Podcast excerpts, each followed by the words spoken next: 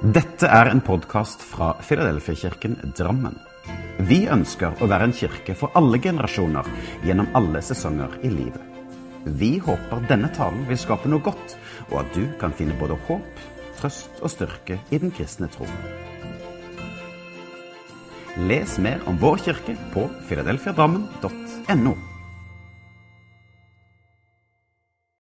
God søndagsmorgen, og takk for at du ser på denne sendingen fra Filadelfia-kirken Drammen. Og visste du det, at du rekker også gudstjenesten i Filadelfia-kirken i Tomtegata 2 klokka 12? Og i dag så skal vi ha to ganger 20-årsjubileum for to av våre misjonsprosjekter, som vi er så utrolig glad for å kunne eh, være med og støtte i Filadelfia-kirken.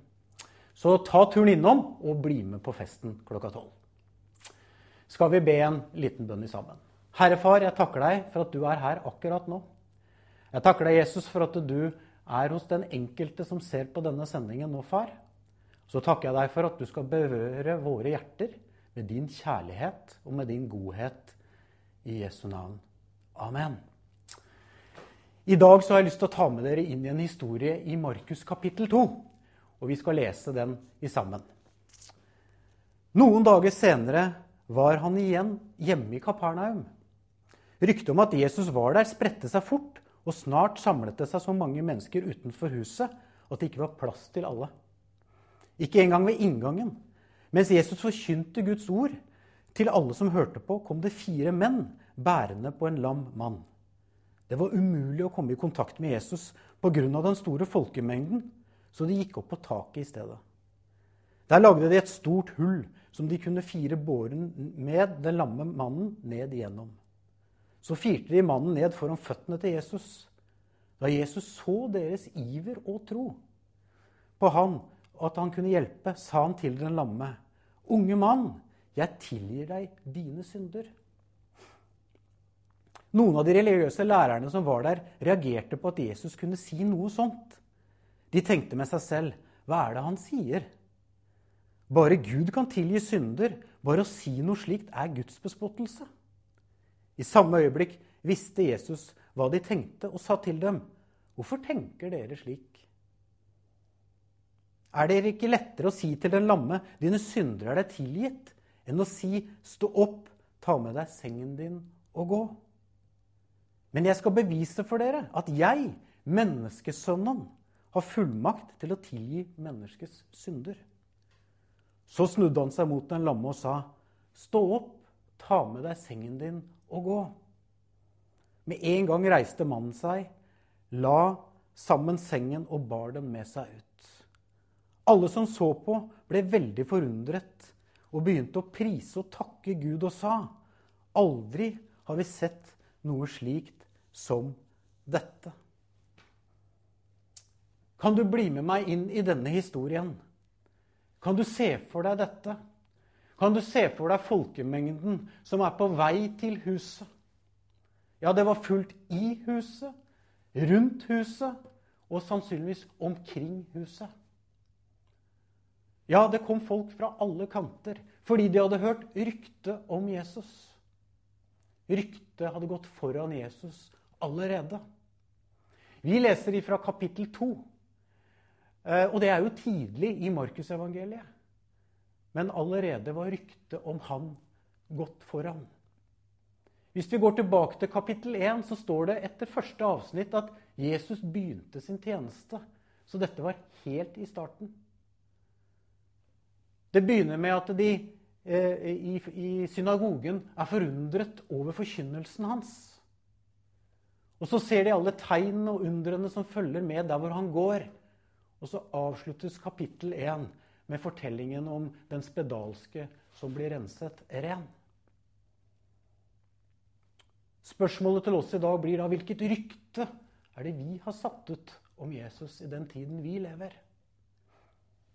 Hva er det vi forteller andre om hva han gjør, og hva han kan gjøre for den enkelte? Hvilken tillit har vi, og hvilke forventninger har vi til Jesus? Tilbake til historien. Disse fire mennene som kommer bærende på den lamme mannen, eh, kompisen sin. De begynner å se folkemengdene som stimler seg rundt. De forstår at det er helt umulig å komme fram til Jesu føtter eller fram til Jesus for å, å legge den lamme vennen sin der. Da er det kanskje naturlig at de, og kanskje du og jeg, hadde stilt oss noen spørsmål. Og det kanskje spørsmålene kunne være slik som at Nei, da var det vel ikke meningen i dag, da. Nei, vi får se om det var en annen dag vi skulle komme. Eller kanskje det siste spørsmålet er det er jo ikke sikkert det hadde skjedd noe likevel.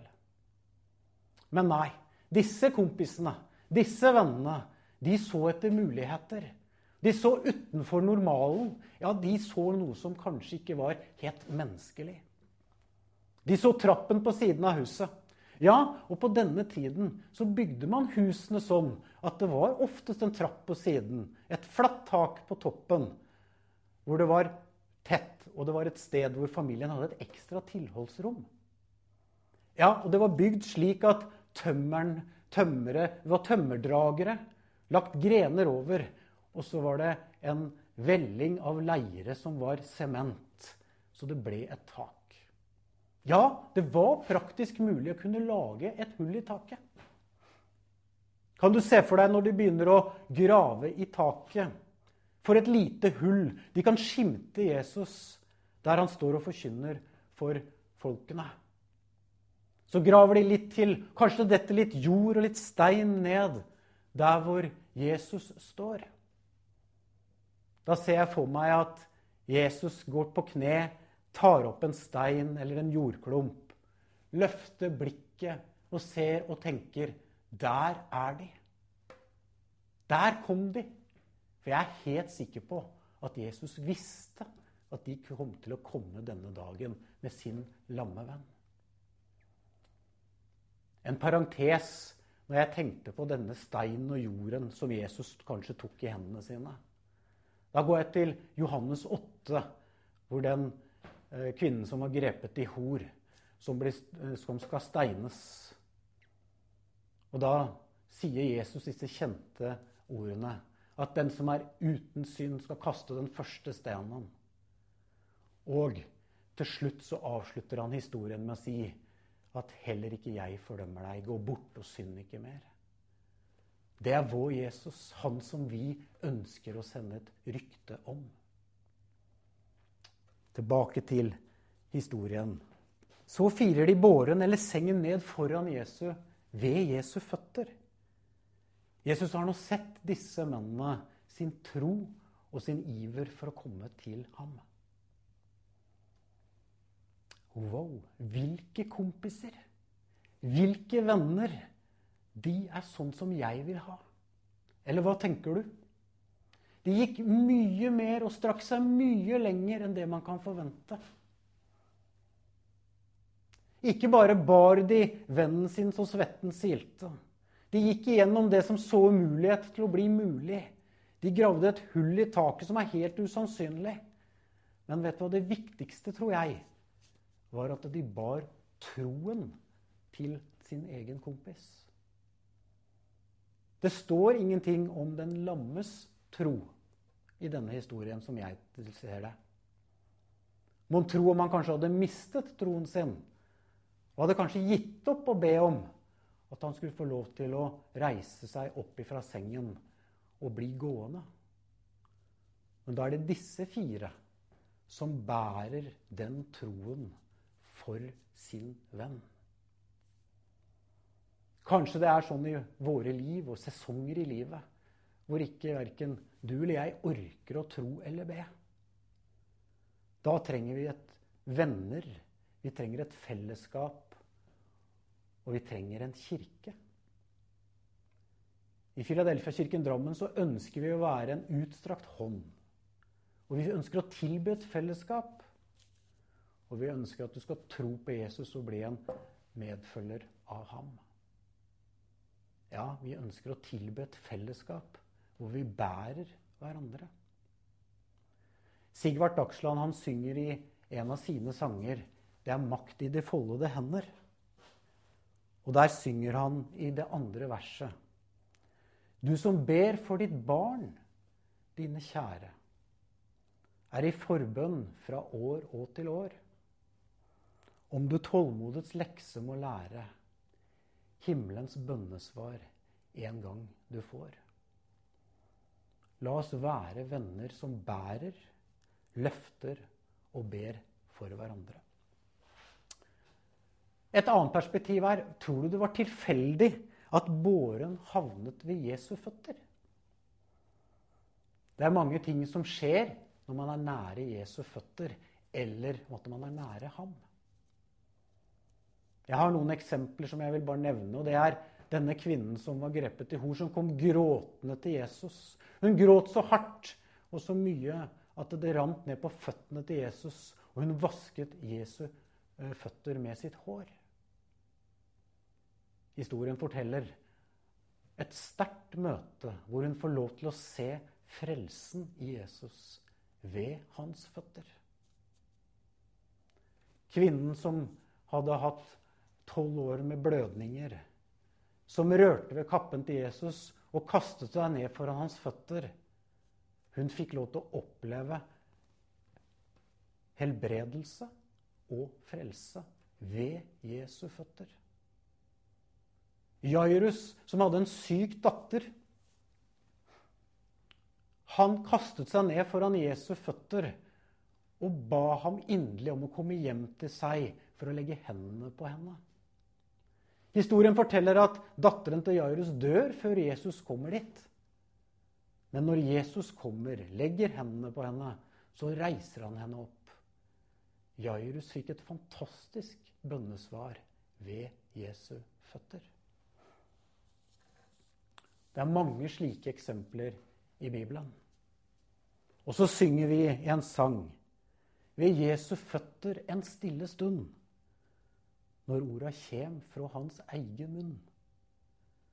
Når jeg med Jesus aleine er, da er det hugnad å leve her. Måtte vi ta oss tid til å være ved Jesu føtter, være tett inntil ham og høre hva han vil fortelle oss. Tilbake til historien. Nå ligger båren ved Jesu føtter, og Jesus sier, 'Unge mann, dine synder er deg tilgitt'. Hæ? Var det det vi fikk? Nå har vi båret denne kompisen vår. Vi har jobba og slitt. Vi har brukt masse tid. Og du ser jo at han er lam, Jesus. Hva var det? Og så, og, så, og så, får vi det her. Men Jesus tror jeg vil lære oss noe i en rekkefølge. For tross alt så tror jo jeg, og jeg, det vet vi, at vi alle har syndet. Og vi alle trenger tilgivelse fra vår Herre først og fremst. Jesus ser alt det synlige, men han ser jo også det usynlige. Ja, han ser hjertet. Han ser alt og vet alt. Vi har en fantastisk Gud som kan gjøre mye, mye mer enn det vi aner og det vi ber om. Så gir han oss det. Han har all makt i himmel og på jord. Og det som er umulig for oss mennesker, er mulig for ham. Han eh, avslutter historien med å si til den lamme at han skal ta sengen sin og gå. Og da reiser mannen seg og pakker sammen sengen og går. Fantastisk. Til slutt så tenker jeg at denne historien ikke først og fremst handler om Guds under, eller Jesu under. Men det handler om de fire som bar denne mannen. Og så er det helt klart, og det er jo ikke noe å lure på engang, hvilken fantastisk glede det var for de fire og den lamme når han fikk lov til å reise seg og gå. For de så er dette svaret på bønn gjennom lange tider, og de har endelig fått svaret. Så for de så er det viktigste var nok underet. Men når vi leser historien i etterkant, så er det disse fire som jeg står igjen med. Og det var det Jesus så. Han så hjertene deres, iveren og troen på at Jesus kunne hjelpe. La oss sette søkelyset på Jesus, hans ord, Guds ord, og la det prege oss. Så tror jeg at slutten på fortellingene våre, på livene våre, på det vi opplever, er noe som Jesus tar hånd om, bare vi er nære nok til ham.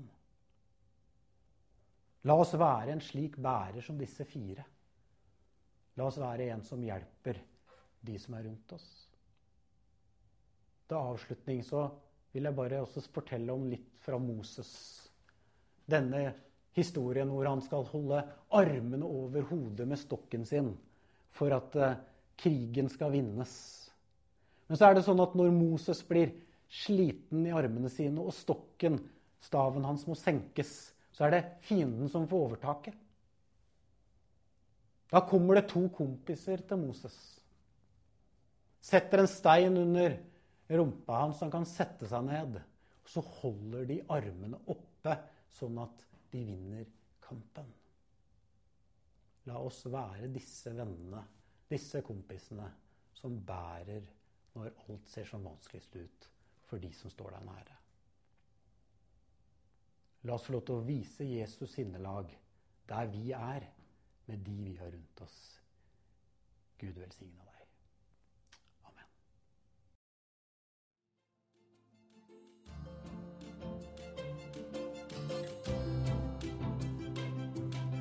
Som en avslutning på denne podkasten ønsker vi å lyse Herrens velsignelse over deg. Herren velsigne deg og bevare deg. Herren lar sitt ansikt lyse over deg og være deg nådig. Herren løfte sitt åsyn på deg og gi deg fred.